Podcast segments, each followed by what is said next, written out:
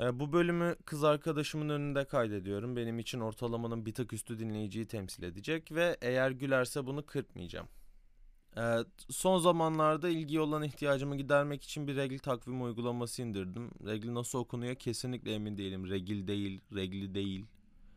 Ya, arasında bir yerde ve kesinlikle Türkçe hissettirmiyor. Neyse işte böyle bir uygulama indirdim işte. Menstrüel döngü takibi yapmaya yarayan bir uygulama.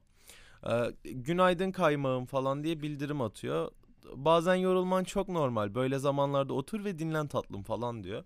Ya bunlar iyi güzel ama bazıları fazla regli spesifik olunca foyam ortaya çıkmış gibi oluyorum. Hayat regli dönemini kızgın geçirmek için çok kısa falan diyor. Ben bunun aksine telefonun gözüme alan ışığıyla birlikte yalnızlığımla yüzleşmem gerektiği için kızıyorum. Elimden geleni yapıyorum. Ya aslında o kadar yalnız değilim bir süredir. Yani üzerinize afiyet artık bir sevgilim var. Bunu söyledim zaten. Ee, onunla birlikteyken cidden kendimi daha rahat hissediyorum. Yani düşünecek tek bir şey kalıyor. Mutlu muyum yoksa dikkatim mutsuzluklarımdan başka bir yere mi kaydı? Cevabını asla tam olarak bilemeyeceğimi düşünmekle birlikte hayatı bu kadar meta yaşamanın yanlış olduğunu düşünüyorum. Tabii bu kadar meta olmasını istemiyorsam bir şeyleri parçalarına ayırmaktan vazgeçmem gerekiyor sanırım. Ya bilgisayarımın kasasını temizleyeyim diye açmışım. Parçalar daha temiz olmuş ama geri toplamayı bilmediğim için bilgisayarsız kalmışım gibi oluyor. Ya şimdiye kadar bu parçaları daha iyi tanımanın bana kazandırdığı şeyler var mı? Var. İnsan sarrafıyım. Ya bu konuda iddialı bile olabilirim. Ya parçaları çok iyi tanıdığım için bütünde neye benzeyeceğini anlayabiliyorum. İnanılmaz Örümcek Adam filminde deneyleri simülasyonla yapıyorlardı yani böyle serumu sanal denekleri veriyorlardı, sonuçları görüyorlardı. Aynı öyle bir sistem var kafamda. Yani bazı insani özelliklerin kombinasyon haline geldiğinde nelere dönüşebileceğini öngörebiliyorum. Hmm, dağınık saç ve bol tişörtü dudak piercingi ile birleştirirsek sonunda elimizde kötü kokan toksik bir fotoğrafçılık öğrencisi oluyor gibi bir şey. Ya bu kadar net ve ön yargılı değilim tabii ama genel olarak ipuçlarını alabiliyorum. Genelde biraz daha fazla veriyle biraz daha soyut sonuçlara ulaşabiliyorum. Arkadaşlarımın sevgilileriyle ve onların karakterleriyle ilgili bilmem gereken her şeyi yarım saatte anlayabiliyorum. E Yiğit madem öyle neden bu bilgileri günlük hayatında da kullanıp daha sağlıklı ilet- iletişim becerileri geliştirmiyorsun dediğinizi duyar gibiyim. Verecek bir cevabım var mı? Sayılır. Ee, Öncelikle terzilerin kendi sökükleriyle olan ilişkisine referans vermek ve devamında bu kadar basit bir cevapla sizleri bir şeye inandırabileceğimi düşündüğüm için özür dilemek istiyorum. Aslında demeye çalıştığım şey şu ki benim derdim bunları bilmemek değil. Bu bilgilerden aktif olarak haberdar olmamak. Ya bir şey demek veya yapmak üzereyken karşımdakinin ne diyeceğini düşünmeyip farkında olmamak. Puştluk gibi ama affedilebilir göstermeye çalışıyorum. Kötücül değil sonuçta. Kötücül olmaması beni affettirir mi? Sanmam. Ya bu konuda karar merci miyim? Asla. Size ne düşüneceğinizi söylemeye cüret edemem yani. O yüzden affettiyseniz bana haber verin ki gece rahat uyuyayım diye düşünüyorum. Ya neden bunu yapasınız bilmiyorum ama kedimi soracak olursanız Füttün iyi. Anksiyete hastası oldu. İyi dedikten hemen sonra anksiyete hastası olduğunu söyledim evet. Ha, kimin kızı yani? O da ben, de iyiyim diyorum. Ben de anksiyete hastasıyım. Ee, ya ben odadan çıktığımda Füttün kapının arkasından ağlıyor sürekli. Kapının önünde nöbet tutuyor. Ben de sevgilim odadan çıktığında böyle davranıyorum ama odaya geri geldiğinde Füttün gibi yüzsüzlük, arsızlık, şerefsizlik yapmıyorum. Ya Füttün beni görmediğinde beni daha çok seviyor. Kafasında bir yiğit ideası var ve ona aşık. Ben kimsenin beklentilerine göre şekil alacak mecale sahip değilim ama öyle bir problem var. O yüzden Füttün'ün yakında beni gaddar bir not bırakıp terk edeceğini düşünüyorum. Ve ya bunu düşündüm şöyle bir not olabilir. Sevgili Yiğit. Bu hanede seninle geçirdiğim vaktin ekseriyetinde ahengimize muhalefet yoktu. Birlikte sinema filmleri seyrettiğimiz günleri anımsar mısın? Ben senin göbeğine yatardım, sen elini sırtıma koyardın. Zevahirimiz düşman küstürürdü. Kafamın üstünü yalayamadığım için senin baş parmağını yalardım. Sen de onunla kafamın üstünü tarardın. Pürü pak ederdin. Birbirimiz ile hep el birliği içindeydik. Fakat son zamanlarda girdiğim bu yeni haleti ruhiyeyi hiç idrak etmiş değilim.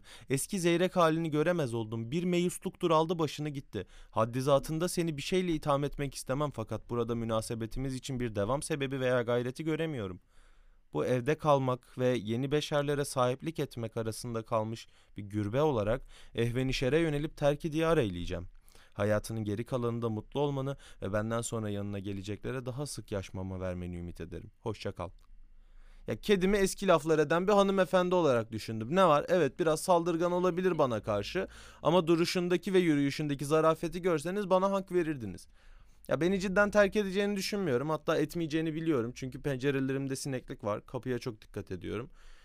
Olur da bir şekilde kaçarsa ya cilvesiz normal kaderin bir parçası olarak değerlendiririm ya da sizden birinin gelip fütünü çaldığını düşünürüm. Hodri meydan.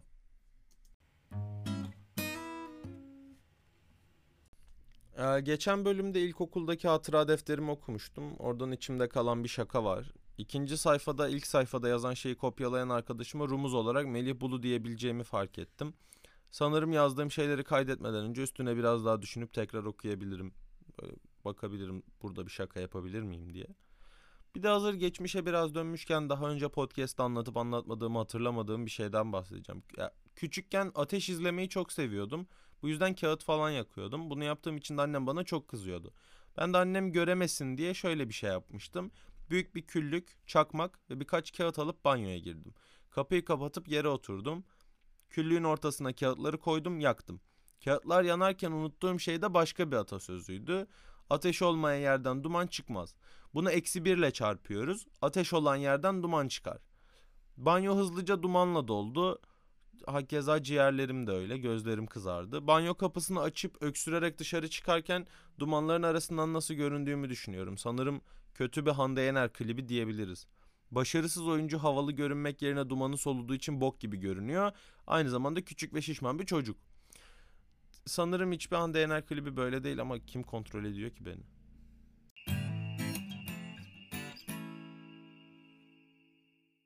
Ee, kız arkadaşım geceleri bu podcast'i dinleyerek uyuyormuş. Ee, kulağa biraz garip geliyor ama benim için bir tık daha tatlı çünkü onu seviyorum. Ya kız arkadaşım şu an burada bunları dinliyor diye özellikle her paragrafta ona yavşadığımı düşünebilirsiniz. Ama yani ne kazanacağım ki hali hazırda kız arkadaşım. Harbiden içimden gelmesi söylemem. Ya şey işte ben de geceleri uyurken onu dinleyebileyim diye bana toplam 20 dakikalık iki ses kaydı göndermişti. Onlardan birine yaptığı girişi inanılmaz beğendiğim için buraya ekleyeceğim. Kendisinden bu konuda izin aldım. İzin almasam paylaşmayacak mıydın dediğinizi duyar gibiyim. Paylaşmazdım. Yani kişisel verilerin korunması kanunu ve kendi etik kurallarım buna izin vermiyor. Zannettiğiniz kadar garip biri değilim. Öyle, öyle miyim? Ne, neyse işte şöyle bir giriş yapmış. Selam. Dün olduğum gibi bugün de buradayım. Ve kendime dün olduğundan çok daha az güveniyorum. Bugün hışırdamamak için de biraz çabalayacağım. Dırırırırım. Elimden bir şey gelmiyor. Ee, bayağı iyi değil mi? Ben çok sevdim. Çok sevimliydi. Ee, şey bu bölümü yazmamın sebebi aslında şu. Kız arkadaşımın biraz işi abi her paragrafta kız arkadaşım yazmış mıyız? Ben ben galiba kız arkadaşım olması gerçeğini kız arkadaşımdan bir tık daha çok seviyor olabilirim. Ee, Okey. Ee, kız arkadaşım biraz işi var. Adı Aslı bu arada. yani şey kendim üzerinden bu kadar var etmeyeyim diye şey yapmaya çalıştım. Onun biraz işi vardı. O esnada boş durmakta beni kötü hissettirdi. Bakın ne yaptım? Dedim ki onun işi var benim yok dedim. Ya öyle bir ben maskülenitenin toksik kırılganlığını aşmış bir adamım. Her neyse işte onun işi vardı. Ben de boş durmak istemedim. Ben de bir şeyler yazayım derken bunu yazdım. İşime yarayacak bir şeyler yazmak istemez miyim? İsterim. Paraya çevirebileceğim şeyler yazmak istemez miyim? Çok isterim. Peki elime bunlarla ilgili iş geliyor mu? Hayır. Ya o yüzden açıkça söyleyeceğim. Sizin için yazabileceğim bir şey varsa bana haber verin. İş lazım. Param yok. Dibi gördüm. Tam takır kuru bakır. Yani iş veremiyorsanız da sugar mamilik yapabilirsiniz. Ee, e, OnlyFans açıp götümün fotoğraflarını satmak da bir seçenek olabilir. Belki ehvenişer. Düşüneceğim bunu biraz. Ya bu kısmı yazarken aklıma geldi. Ben Patreon hesabı açtım bu arada. Onun linkini de bölüm açıklamasına Instagram'a falan yani insanların görebileceği her yere koyacağım. Ee, olur da bana destek olasınız gelirse oraya bir bakabilirsiniz. Yakın zamanda Patreon'da neler yapacağımı daha net açıklayan bir şey kaydedin. Bunu Patreon diye de okuyorlar. Ben Türkçe içerik üreticilerinde Patreon diye de gördüm. Sonuç olarak bana para veriyorsunuz. Ben de size karşılığında bir şeyler veriyorum. Ve e- eğer yeterince para verirseniz götümü fotoğrafını atmamak bir hizmete dönüşebilir bilmiyorum. Ee, yani ben bunları daha net açıklayan bir şey kaydedene kadar birkaç kişi olarak böyle gelseniz bir ekip olarak süper olmaz mı? Bence olur. Ee, bir sonraki bölüme kadar ne yapacağınızı bildiğinizi düşünüyorum ama yeni gelenler için bir hatırlatma olsun diye tekrar söyleyeceğim. Bana Patreon'dan destek olabilirsiniz. Ee, hoşça kalın ve su içmeyi unutmayın. Bana Patreon'dan destek olabilirsiniz. Ee, ke- keçi gelecek buraya. Ondan sonra da söylemişim gibi düşünebilirsiniz bana Patreon'dan destek olmayı unutmayın diye. Çünkü bana Patreon'dan destek olmayı unutmayın. Ee, ho- hoşça kalın, su içmeyi de unutmayın.